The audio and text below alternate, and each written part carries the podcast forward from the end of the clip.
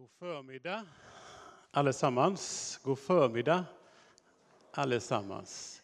Jag hoppas att när du kom in här i Tullbokyrkan idag att någon hälsar dig varmt välkommen hit. Det hoppas jag verkligen. Men vi kan väl vända oss om till varandra och ge varandra en blick i våra ögon och skaka varandras händer och säga vad gott att se dig. Och kanske på någon som du inte redan har gjort det.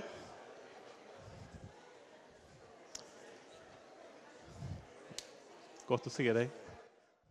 Hej. Hej. Gott att se dig. Gott att se dig.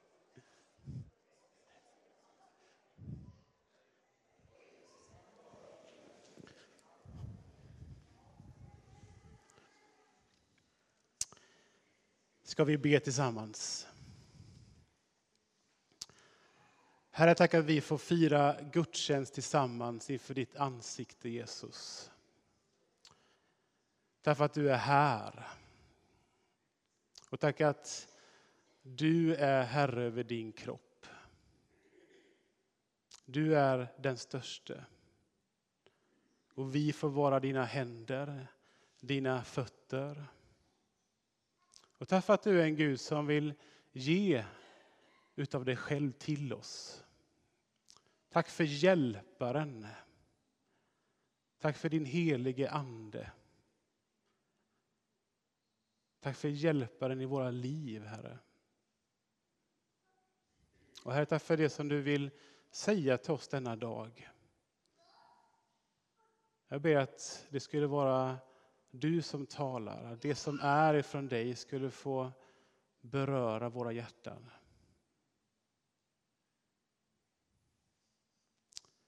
I Jesu namn.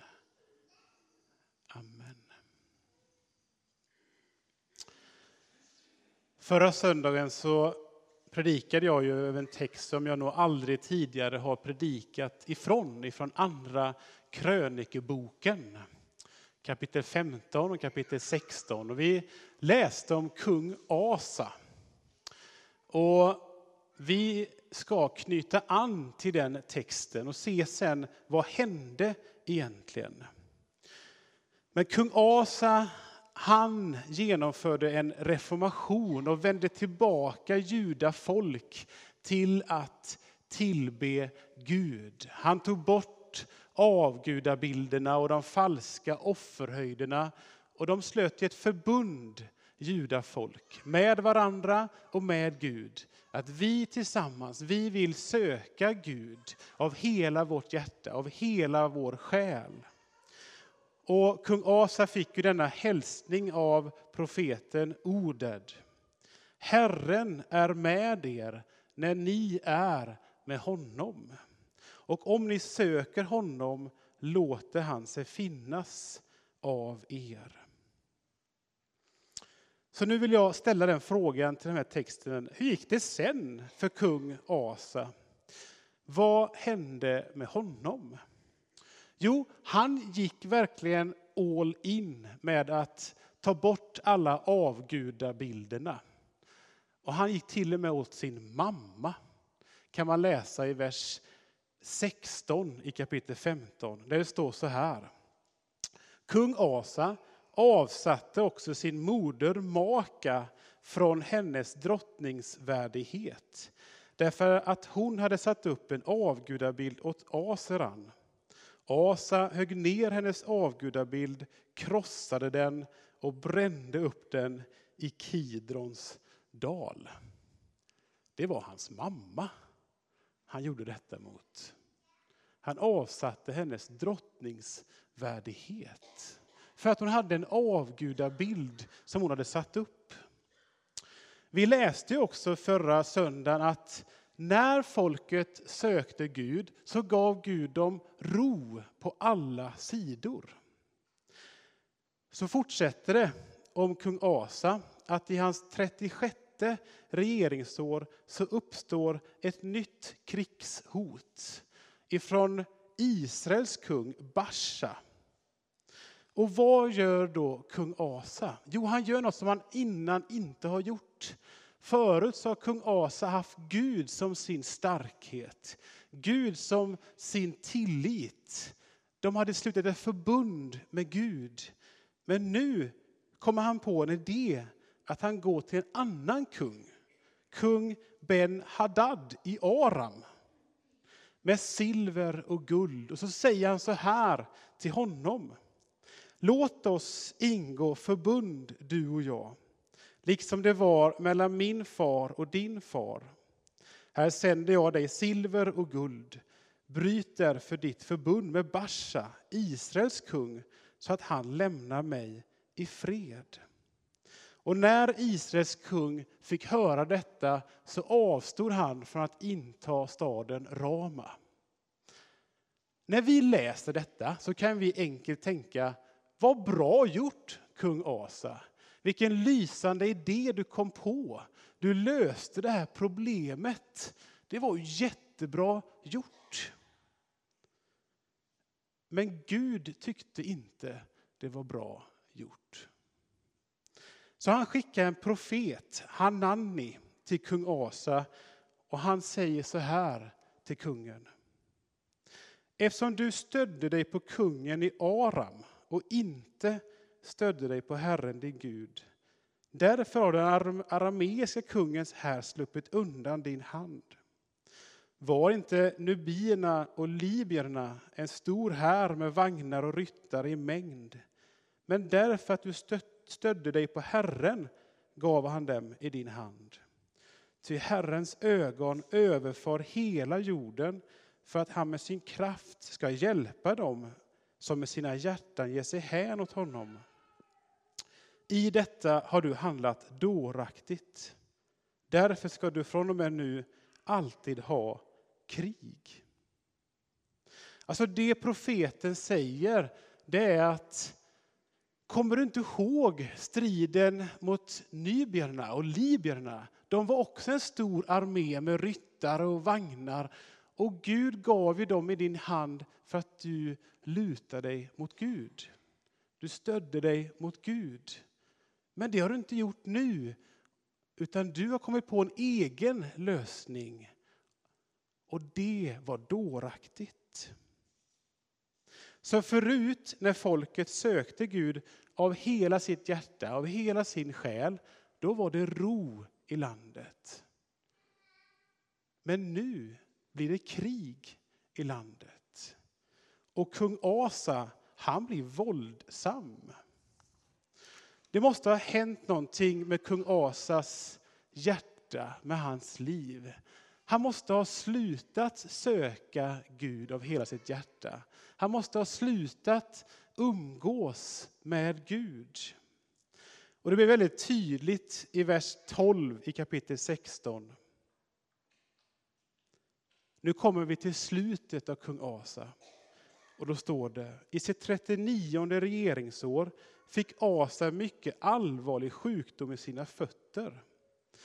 Men trots sin sjukdom sökte han inte Herren utan endast läkare. Och Asa gick till vila hos sina fäder och dog i sitt 41 regeringsår. Jag tror inte det var de orden som kung Asa hade önskat skulle på något sätt sammanfatta hans regeringstid. Att han blev sjuk i sina fötter men han gick bara till läkaren. Han gick inte till Gud. Alltså det var inte fel av honom att gå till läkaren, men det stod att han endast gick till läkaren. Det som var fel var att han inte gick till Gud. Och så slutar berättelsen om kung Asa. Som Thomas sa så ska vi få gå in i en tid av bön och fastan. För att vi vill ge utrymme för Gud i våra liv. När vi söker honom så kommer han oss nära. Och vi vill gå in i den här perioden i februari månad med just de här orden som profeten ordet gav. Herren är med er när ni är med honom. Och om ni söker honom så kommer han låta sig finnas utav er. Och när vi söker honom när vi umgås med Gud så får vi också syn på oss själva. Ibland kan det faktiskt vara svårt. Vi behöver ibland låta Gud få visa oss hur det egentligen är. Och kung Asa och många andra texter i Gamla testamentet handlar just om avgudabilder och andra gudar. Vi talar inte om det så ofta i vår tid, om avgudabilder och andra gudar. Men de finns där. Att vi ger annat än det som Gud vill ha. Och vill man få tag på dem där i sitt liv så finns det två frågor som kan vara till hjälp för att se, har Gud första platsen i mitt liv? Och den första frågan man kan ställa sig är, vad är mitt hjärta fullt utav? Eller med andra ord, vad fyller jag mitt hjärta med? Och den andra frågan är, vad ger mig trygghet i mitt liv? Eller vem ger trygghet i mitt liv? I vårt land idag så är vi nästan stolta över att, om man ska se den här processen av att ta bort Gud ifrån alla områden i samhället, ta bort Gud ifrån alla områden i människors liv. Vi är nästan stolta över att vi har kommit längst i världen på den här processen. Och vi sätter en väldigt stor tillit till två saker, skulle jag vilja säga. Dels sätter vi väldigt mycket tillit till experterna. Om du slår på de olika programmen som är på morgonen, Godmorgon-programmen, så kommer det alltid olika experter dit. Det kommer experter i politik, i ekonomi, i hur vi ska leva, hur vi ska uppfostra våra barn. Och tala inte om sportens värld. Tittar du på en, eh, på en fotbollslördag så sitter det alltid experter och berättar och kan en massa. De här experterna har ju kunskap och vi litar på att de har rätt.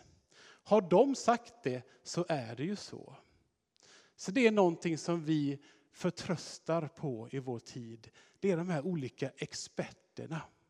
Och så läser vi av och så gör vi så för att han eller hon sa så. Vi tror så. Vi äter det, vi slutar att äta det för att någon expert har sagt att det inte är bra för oss. Så det är det första vi kan sätta vår tillit till. Och det andra, det är det som också vårt land idag har upphöjt. Det är tilltron till oss själva. Individualismen. Att allt handlar om mitt liv. Och jag klarar mig på egen hand. Jag behöver ingen Gud. Jag fixar detta själv. Men det som Bibeln beskriver detta som, det skulle kallas för en falsk trygghet. Och den där falska tryggheten, den kan också smyga in i en församling, i församlingar i vårt land idag. Vi klarar detta själva. Vi är ju en samling av människor som många är duktiga och kompetenta. Vi är en stabil församling, vi klarar detta. I Uppenbarelseboken kapitel 3 så är det olika församlingar som får olika hälsningar. Och en sån församling som hade den här falska tryggheten om sig själva, det var församlingen i Ladokeia. Och som ni säkert vet, Uppenbarelseboken innehåller väldigt många olika starka berättelser, starka bildspråk. Och vi ska läsa en text som innehåller just starka bilder. Och det är om församlingen i Laodikeia från vers 14.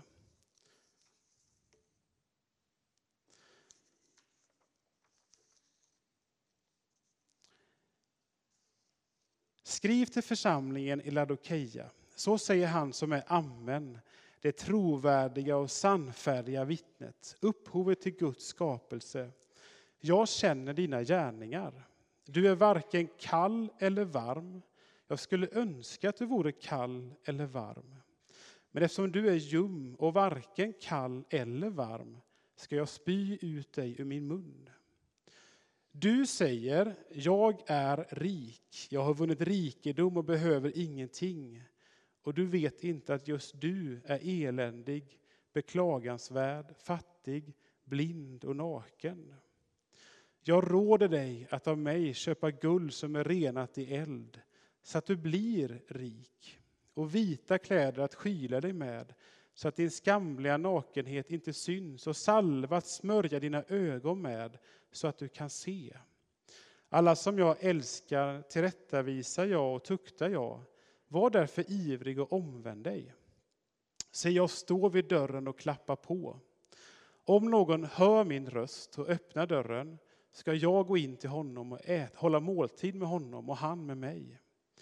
Den som segrar ska få sitta hos mig på min tron, liksom jag själv har segrat och sitter hos min fader på hans tron. Den som har öron må höra vad anden säger till församlingarna.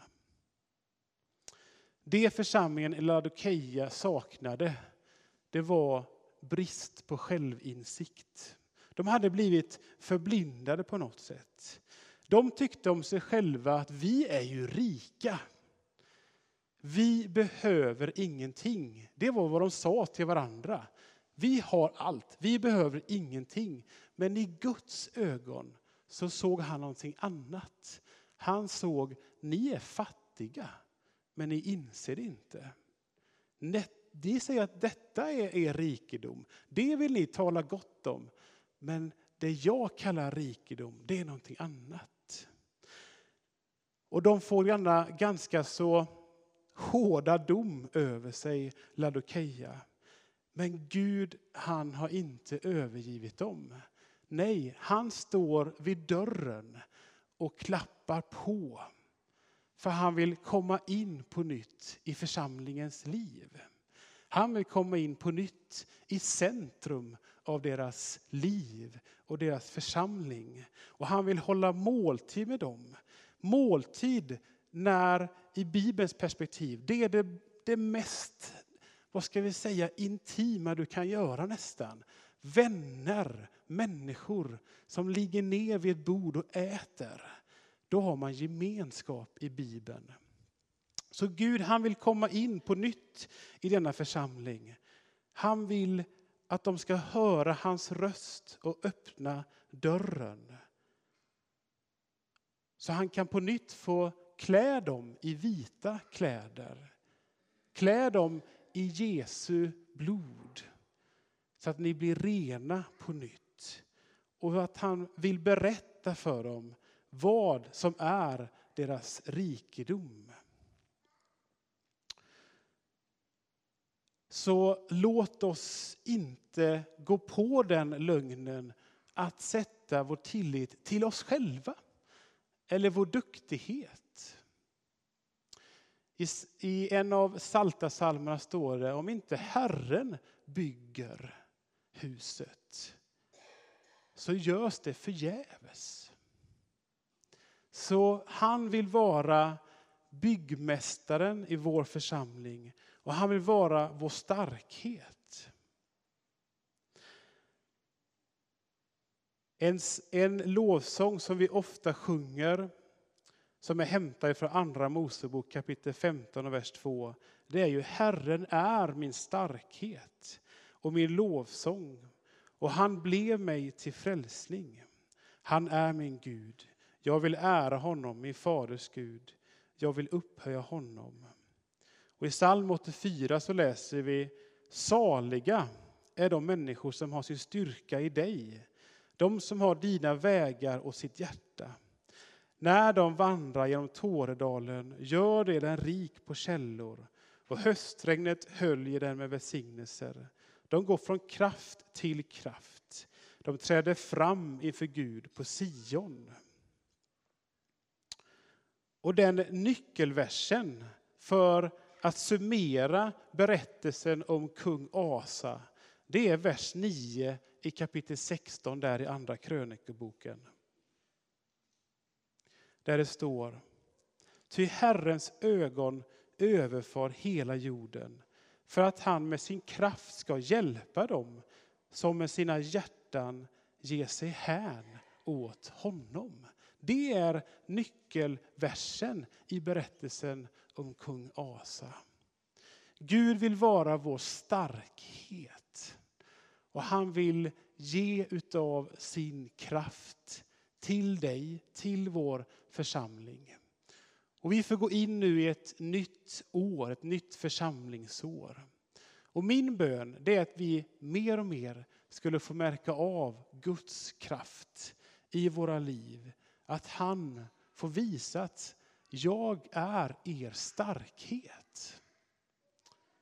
Och den vers som eh, Thomas läste från psalm 28 vill jag avsluta med.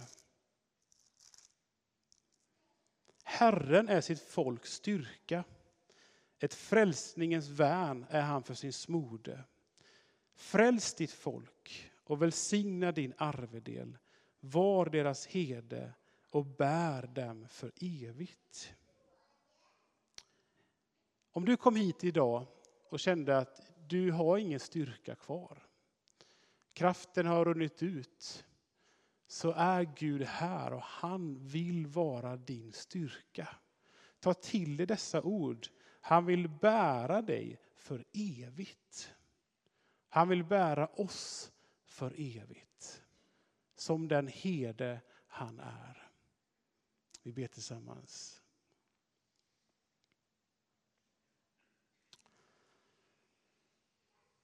Och Herre, tack för att du vill vara vår starkhet. Du vill vara den som ger oss av din kraft i våra liv, Herre. Men Herre, du känner också oss. Du vet hur det är att leva och vara människa 2016. Du vet också hur det är att vara i ett land som Sverige. Där du eh, nästan inte finns kvar på något sätt. Där vi har nedmonterat dig överallt.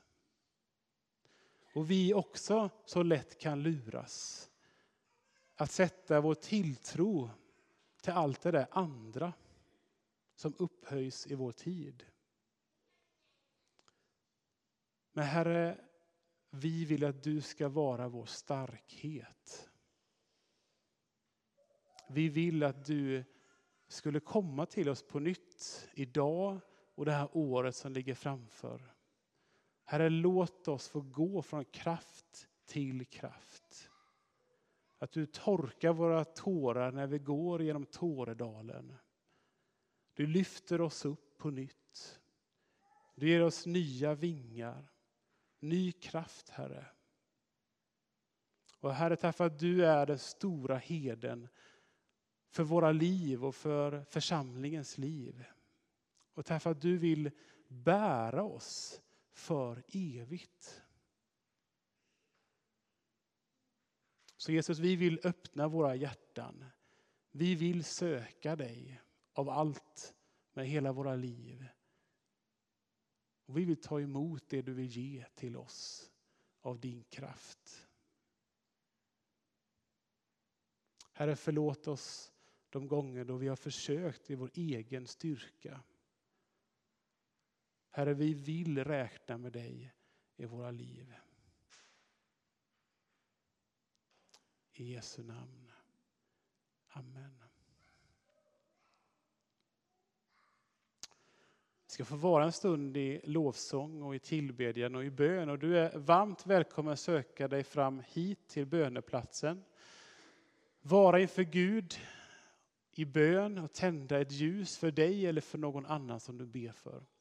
Och vill du att någon ber för dig så kommer jag sitta på första bänken där och jag ber gärna för dig. Och under tiden så sjunger vi lovsång tillsammans och texterna kommer komma upp här på väggen.